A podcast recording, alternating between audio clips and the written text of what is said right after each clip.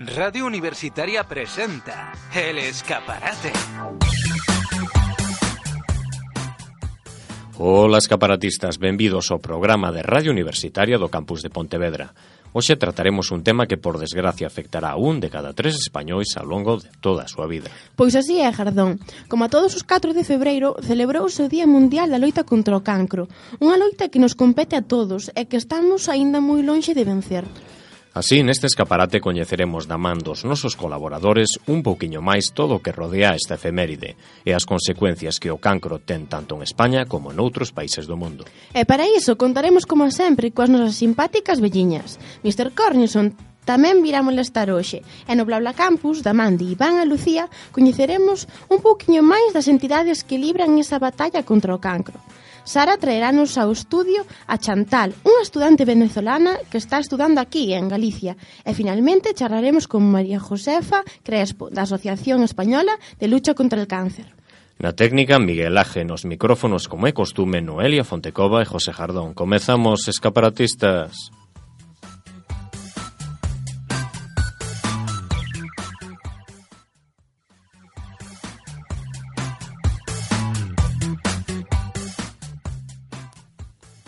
Benvidas, Abelina e Milucha. Xa recolleron o lazo que reparten aí fora para o cancro? Yo de desconocidos no te recojo nada, ¿eh? Siempre te me da que me van a robar el bolso. Yo el lazo te lo traje de casa porque te soy una mujer moi prevenida. Ai, como está esta molleriña, eh? En fin, que hai que facer esta semana, ademais de ir mirar as obras da Avenida de Lujo? Pues a ver, os quero ver a todos el miércoles día 8 en el aula 6 de la Facultad de Ciencias Sociales y Comunicación para ver la charla El viaje de la creatividad. Van a intervenir antiguos alumnos de la facultad y más Natalia Mirapeix, que es bueno, una chica más riquilla que se dedica a la ilustración. Avisaos todos, ¿eh? Oh, Esmilo, o xoves podíamos ir tomar uns aguardientes a Posada Indiana como, era, como cando éramos novas. Hai unha música dun tal Gustavo Almeida ás nove e media. Me vuelves a llamar, Milo, e te chanto el cimbario este que tengo aquí en la cabeza, eh? Bueno, señora, non se ponga agresiva. Non se poña agresiva, muller. Ai, es que non me gusta que manden a, a revirar el nombre. Aunque, bueno, se as para ir tomar unos chupitos me duele menos. Además, cando estemos así un pouco pirecas, podemos pensar en algo para presentar al certamen de diseño gráfico como se llamaba. Imagina Civicán, organizado por la Caja Navarra. Mira, e se si queréis hacernos la competencia, podéis averiguar máis del asunto en www.fundacioncajanavarra.es Por certo, falando de concursos, xa está aberto o plazo de inscripción para o Festival Joa. Podedes presentar traballos de fotografía, deseño web, identidade corporativa... Para saber máis, entraden, entraden tres sobres dobres punto giar asjunto Hai que ver, Abelina, hija, non sei a onde te sacaste el B1 para el inglés non lo llevas nada. Ay, a, ver, a ver se me sale agora. Eh? Eu sei que é tres dúbios dobres, punto, wix... Ay, en fin, bueno, no será mejor ir marchando, que ya tengo vez en el podalgo para que me achete los callos. Hasta más ver, nenos. Veña, muller, vai, vai con Dios. Que Hasta logo, vou miñas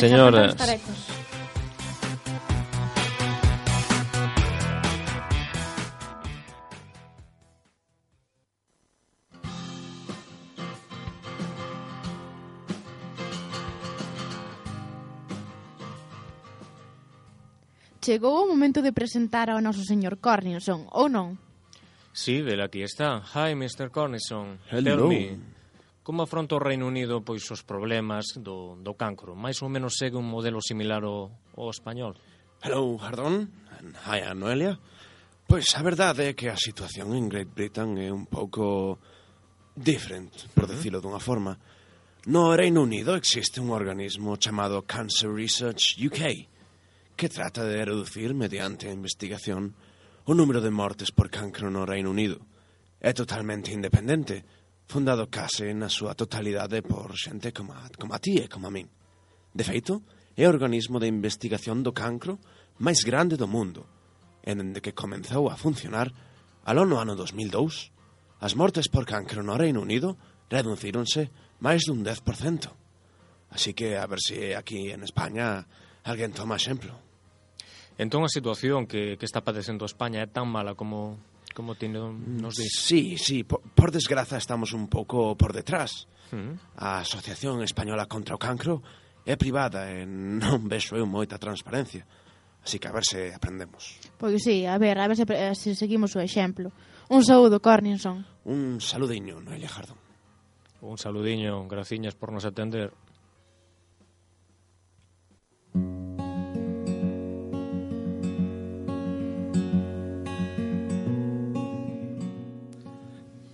Bos días, Iván. Que tal a semana?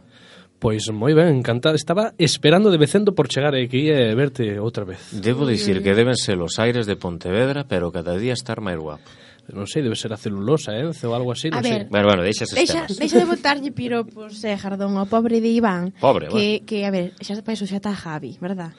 Pero eh, nada, nada. Os piropos nunca están de máis, pero bueno. Contanos. Noelia, como ben dis, vamos a empezar, imos falar eh, do tema candente neste escaparate que inaugura o mes de febreiro, o cancro.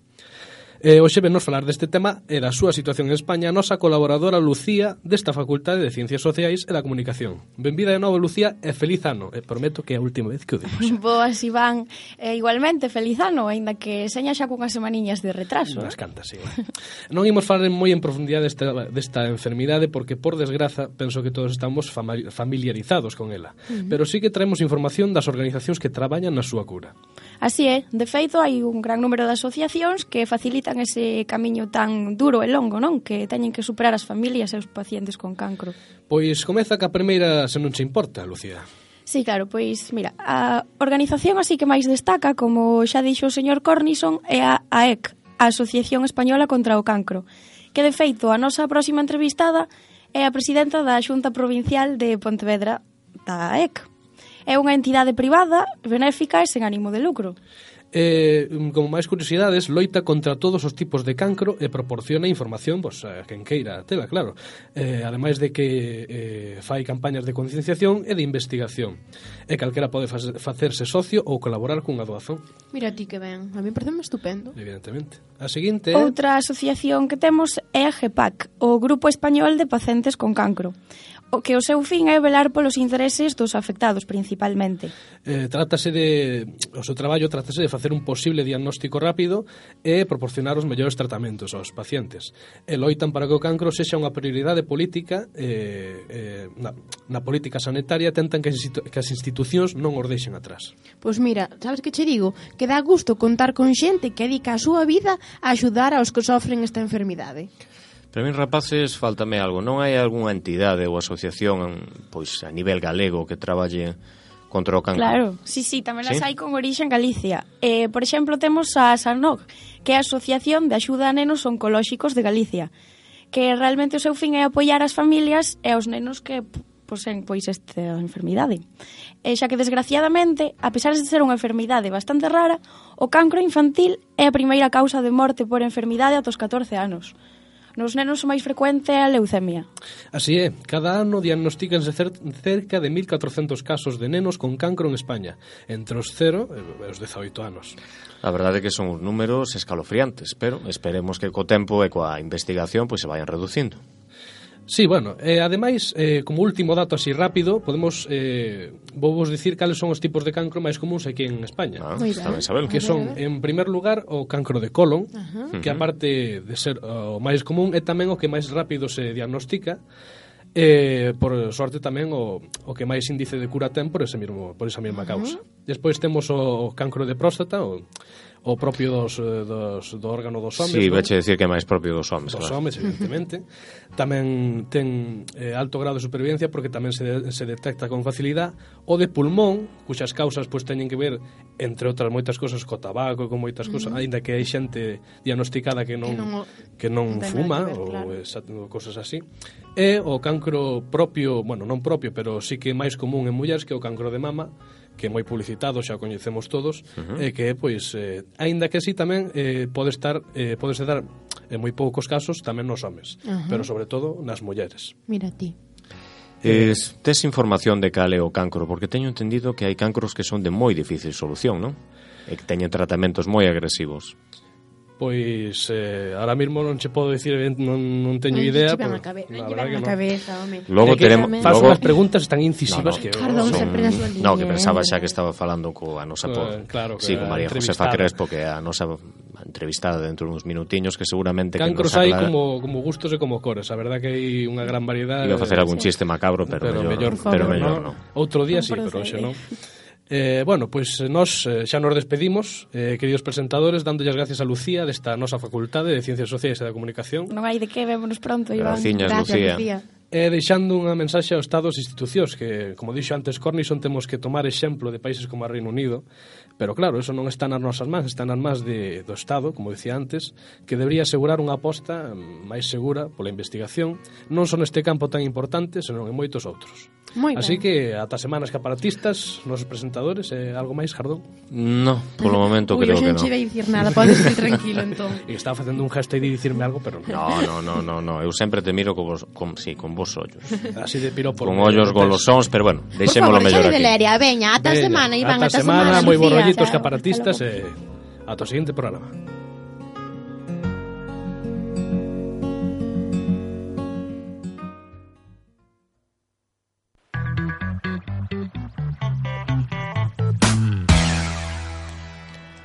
Para falarnos un pouquiño máis da situación da loita contra o cancro en Galicia e España, contamos hoxe no escaparate coa presencia de María Josefa Crespo, presidenta da Xunta Provincial da Asociación Española de Lucha contra el Cáncer.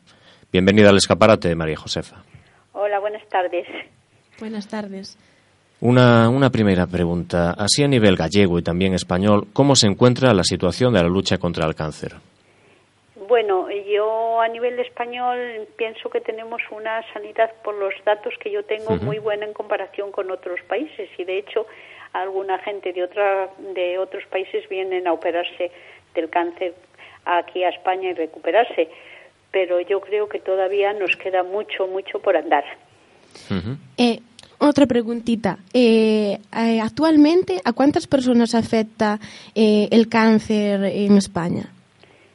Bueno, pues yo... Sí, anualmente. Pues yo ese dato no te lo puedo decir porque no lo tengo ahora aquí, pero sé que cada año están aumentando los cánceres a nivel de España sobre 200.000 personas más, que es un dato muy grande.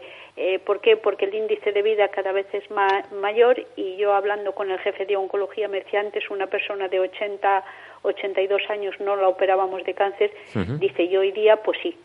Entonces, eh, al ser más supervivencia hay más índice de cáncer, pero también hay más curación.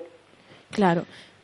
¿Y cuáles son los cánceres, sí, le- las enfermedades las, pues, cancerígenas que son más frecuentes entre la población española? Bueno, pues el cáncer más frecuente si, hombre- entre hombres y mujeres el de- es el de cáncer de cono.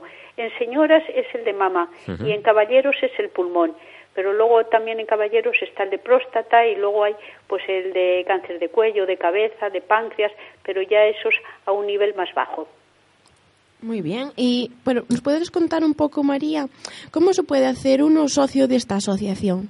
Bueno, pues nada, o bien por internet o bien llamando al teléfono 900 100 086, que es un teléfono de Infocáncer, que estamos los 36, los 365 días de, de la semana y además es un teléfono que puedes consultar cualquier tipo de pregunta porque está atendido también por médicos y psicólogos o, o acudiendo a nuestra asociación, coges un impreso, das un número de cuenta y ahí ya puedes colaborar con lo que tú quieras trimestre, semestre, anual. Y María Josefa, ¿crees que las administraciones públicas, tanto estatales como autonómicas, apoyan suficientemente esta lucha contra el cáncer? Sobre todo digo porque se ha reducido drásticamente o en, en gran medida esas, esas ayudas, ese dinero in- pues destinado Bueno, a la pues, investigación. Mira, yo creo que en investigación están tanto a nivel autonómico como nacional. Eh, se ha recortado mucho en investigación pues, debido a la crisis porque nosotros cada vez estamos incrementando más en proyectos de investigación. Estamos dando 14 millones el año pasado a nivel nacional y este año también se prevén que se, que se dé sobre 16 o 17 millones. Concretamente se le ha dado aquí en la comunidad autónoma a Ángel Carracedo un millón cuatrocientos mil para que investiguen sobre el cáncer de cuello y de cabeza porque en esto hay muy poca investigación. Y ya digamos a nivel particular, los españoles son solidarios o solo se acuerdan del problema cuando les afecta personalmente a ellos no, no, o su la familia? gente es muy solidaria porque yo creo que todo el mundo, pues, ¿quién no ha tenido un, un familiar, un vecino, un amigo? Y es una cosa que la tienen como muy arraigada y, y nos, hace, nos afecta muy de cerca y yo siempre lo digo que la que aquí la gente de ellos a nivel autonómico de Galicia son todos muy solidarios. ¿Y a qué tipo de programas destina esta asociación la colaboración de un socio? Bueno, nosotros tenemos una unidad de cuidados paliativos que está atendida por médico y enfermera. Tenemos luego una logopeda para volver a hablar, el programa Volver a hablar para los operados de cáncer de laringe, de faringe. Tenemos ELEAS, enfermos avanzados en fase terminal, en el que está atendido por cuatro psicólogas y un trabajador social. Luego tenemos otros dos eh, psicólogos más y un trabajador social en el que prestamos eh, todo tipo de materiales como son sillas, pelucas, prótesis, eh, pañuelos y luego se le da también un dinero puntual a los enfermos para que compren eh, pues alimentación específica derivada de la enfermedad o gastos de farmacia o para que paguen simplemente pues la luz o un recibo de, de comunidad o de alquiler. Y en, en caso de los más pequeños, ¿cómo conseguís darle las informaciones? ¿Hacéis charlas en los colegios? Sí, hacemos un programa de jóvenes por la salud que está dirigido pues a, de los, a todo tipo de niños desde los más pequeños hasta la universidad en el que se le dan charlas o bien de prevención o bien de otro tipo también sobre alimentación es dejar tabaco eh, la droga la bulimia la anorexia. Entonces estos se imparten en todos los colegios. Eh, nos ponemos en contacto con los directores de los colegios y ellos son los que nos nos reclaman y se le va a dar. Lo, normalmente lo da la coordinadora y una psicóloga. Y personalmente, María Josefa, pro- prohibirías pues el tabaco, que al fin y al cabo es una de las, en este caso, drogas legales que más muertes eh, provoca al- pues a lo largo del año. Sí, bueno, nosotros eh, estamos en- a, a favor de la ley antitabaco, eh, fuimos de los que la apoyamos para que se quitara y, y precisamente tenemos un- unos cursos para dejar de fumar en los que se está haciendo ahora en Pontevedra hay uno, en Vigo hay otro, en toda la comunidad autónoma los tenemos para dejar de fumar. Son cursos para que la gente deje de fumar y son gratuitos. ¿Y crees que en un futuro, con esto, los avances en, en la medicina, se conseguirá reducir la incidencia del cáncer pues entre, entre la población española, europea o mundial? Sí, bueno, los más entendidos en esto y los investigadores intentan, dice que llegar a, a erradicar el cáncer, que quede como una enfermedad crónica debido a la investigación, pero ellos todo insisten en investigación y prevención, que es donde se le puede ganar la batalla al cáncer. Previniendo con una alimentación no al tabaco, no al alcohol, una vida saludable, ejercicio físico, bueno, pues dice que se puede llegar a reducir hasta un 40%. Y precisamente hablabas de, pues, de la vida sedentaria y de la mala alimentación. ¿Tú crees que en esta vida del, del siglo XXI esos hábitos se pueden mejorar? Por ejemplo, también lo que pasaba en Madrid con la contaminación. Claro, e- eso yo ya no está en mis manos, pero hombre, yo pienso que, que la contaminación, también los factores de contaminación también influyen en el tema del cáncer, más en el tema del cáncer de pulmón que en otros tipos de cáncer. Ujú. Y bueno, antes comentabas que, que desde la Asociación Española contra el Cáncer, pues realizáis pues muchísimas charlas, eh, información a nivel universitario, que somos una radio universitaria. ¿Habéis acudido alguna vez a, un- a una universidad, pues a dar una, una Sí, charla o sí. a repartir información? Sí, sí, eh, acudimos a la universidad en varias veces. Tenemos un, convenio firmado también con la universidad aquí de Vigo y en, en las que estamos dando. Y también, por ejemplo, cuando quisimos implantar el cribado de cáncer de colon, pues fuimos a la universidad a recoger a recoger firmas, que se recogieron casi 500.000 firmas y de hecho ahora la, la Junta de Galicia ya lo tiene implantado en la cartera básica de servicios y recurrimos a la universidad y siempre vemos cómo la universidad, los jóvenes son, son muy solidarios y también en lo que sí estamos yendo a las universidades es el día 31 de mayo eh, va una psicóloga, lleva el cosímetro para los que fuman, para que vean cómo qué grado tienen de, en los pulmones de contaminación, dijéramos, entre otras palabras, para que se animen a dejar de fumar. O sea, que actuamos en, en combinación con la universidad. Hay, la última ya, María. ¿Hasta, mm, ¿Hasta qué punto afecta la reducción de los fondos destinados a la investigación, a la lucha contra el cáncer? Perdón, es que no te he entendido la pregunta. ¿Hasta qué punto eh, ¿Sí? consideras que, que afecta la reducción de los fondos destinados a la investigación contra el cáncer? No, pues mira, han recortado muchísimo, yo no sé hasta qué punto, pero sabes que la investigación oncológica es la más cara y debido a los presupuestos es donde más han recortado. Nosotros precisamente, eh, una de las becas que dimos ahí con, la vicerrectora de la Universidad de, de, Vigo y el doctor Castel, y Vicente Hernández y el doctor Berrocal fue la de implantación del, del cáncer, de la, la detección precoz del sangre oculta en las heces y fue financiada por nosotros y en combinación ahí con la universidad. Pues María Josefa, lo tenemos que dejar aquí, que ya no, no tenemos tiempo para más, pero no sin antes agradecerte que, pues que nos hubieras atendido aquí en el escaparate. Muchas gracias a vosotros, muy amables. Gracias. Gracias. Gracias, hasta luego. E agora deixamos vos co tema Sweet November da banda Blunk.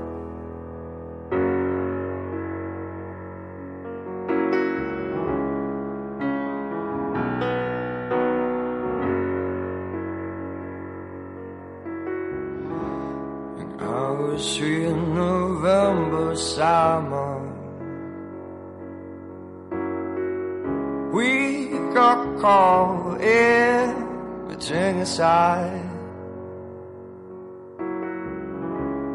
While we gently touch it, Travis got surprised the pain was gone, and in its place a smile. Downs our breathing synchronized. I know my heart could beat so fast again? But well, I it's time to put my shield away. And how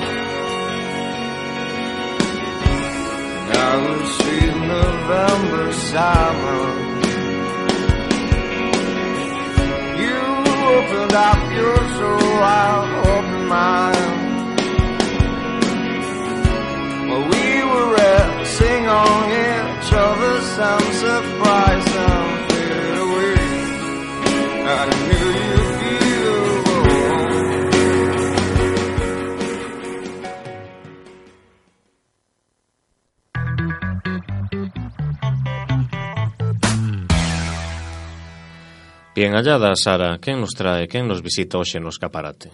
Moi boas a todos e a todas e benvidos a xente de aquí a Colá un día máis. Pois hoxe temos con nós a Xantal, que está facendo primeiro de publicidade na nosa universidade, e ven de Venezuela. Que tal, Xantal? Bienvenida, Hola. relájate. que tal estás? Moi bien, gracias.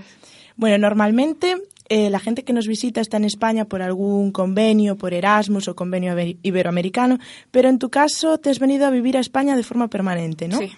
¿Y por qué decidiste venir a España? Cuéntanos. Bueno, por la situación política que está viviendo Venezuela en estos momentos, mi familia consideró que era necesario que, digamos, para realizar mis estudios, tuviese que moverme hasta un país que pudiera brindarme las oportunidades suficientes como para seguir adelante y encaminarme.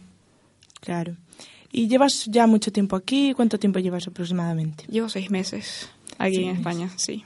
Desde que empezaste primero, ¿no? De Sí, sí. ¿Y en qué aspecto te está resultando más difícil adaptarte o...? No, realmente no, no, no, se, no me ha hecho... Eh, no se me ha hecho difícil. Primero porque tengo familia acá que me ha ayudado, digamos, a adaptarme los primeros meses en que, digamos, estuve aquí. Eh, por ejemplo, en, en, verano tuve un intensivo de televisión gallega y, ¿sabes? Fui como entrenando mi oído y por eso es que se me, ¿sabes? Más fácil entender el idioma y, y eso, pues. Así que todo perfecto entonces, ¿no? Incluso el idioma y todo. Sí, sí, por ahí sí. Bueno, pues genial entonces. Y que, pero bueno, echarás así de menos algunas cosas, supongo, de tu país, así. Sí, sí, extraño todo, pues mi, mi, mi familia, mis amigos, la comida también. La comida es un punto que siempre sale aquí. Sí, bueno, la, la comida venezolana o sea, se caracteriza mucho por, porque es muy variada, tiene mucho sabor, cada comida puede llevar una gran cantidad diferente de ingredientes. Y bueno, claro, lo que caracteriza la, la comida latina, pues.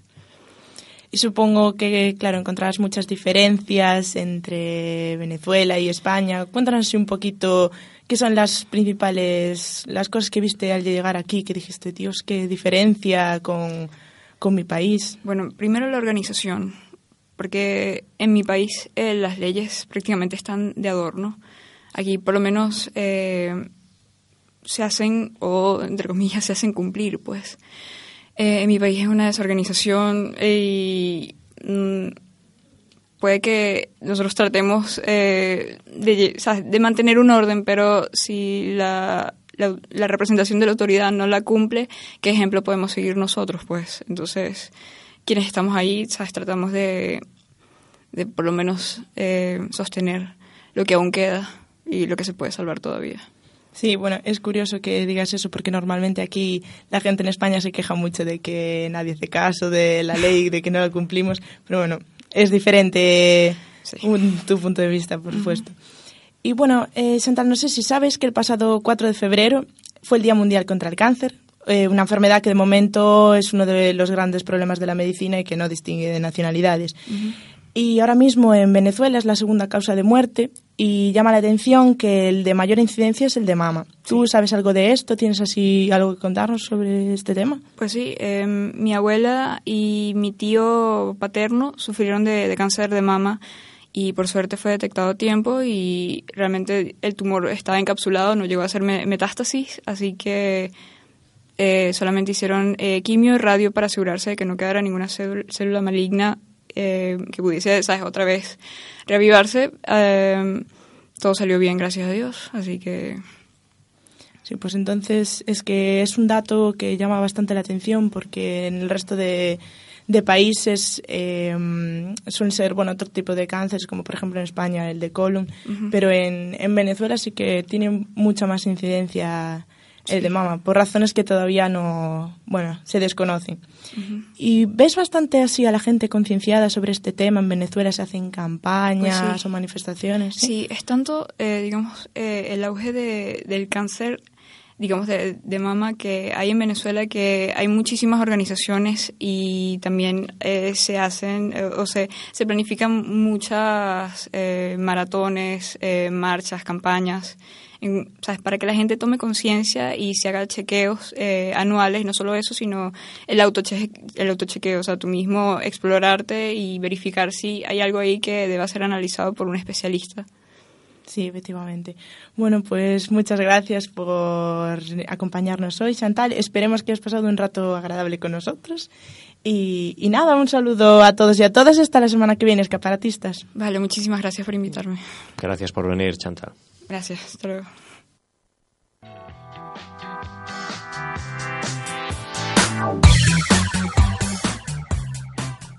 Agora parece que temos moita máis información sobre esta peligrosa enfermidade. Non sei, Jardón? Así é, Noelia. Espero que este programa sirva para concienciarnos se cabe un pouquiño máis dun problema que todos, en maior ou menor medida, sufriremos ao longo das nosas vidas. Así é. Por iso non queremos marchar sen agradecer a María Josefa Crespo pola súa visita ao escaparate Agradecemos igualmente a Blunk por traernos a súa música así como a todos os nosos habituais colaboradores por nos explicar a dura loita contra o cancro.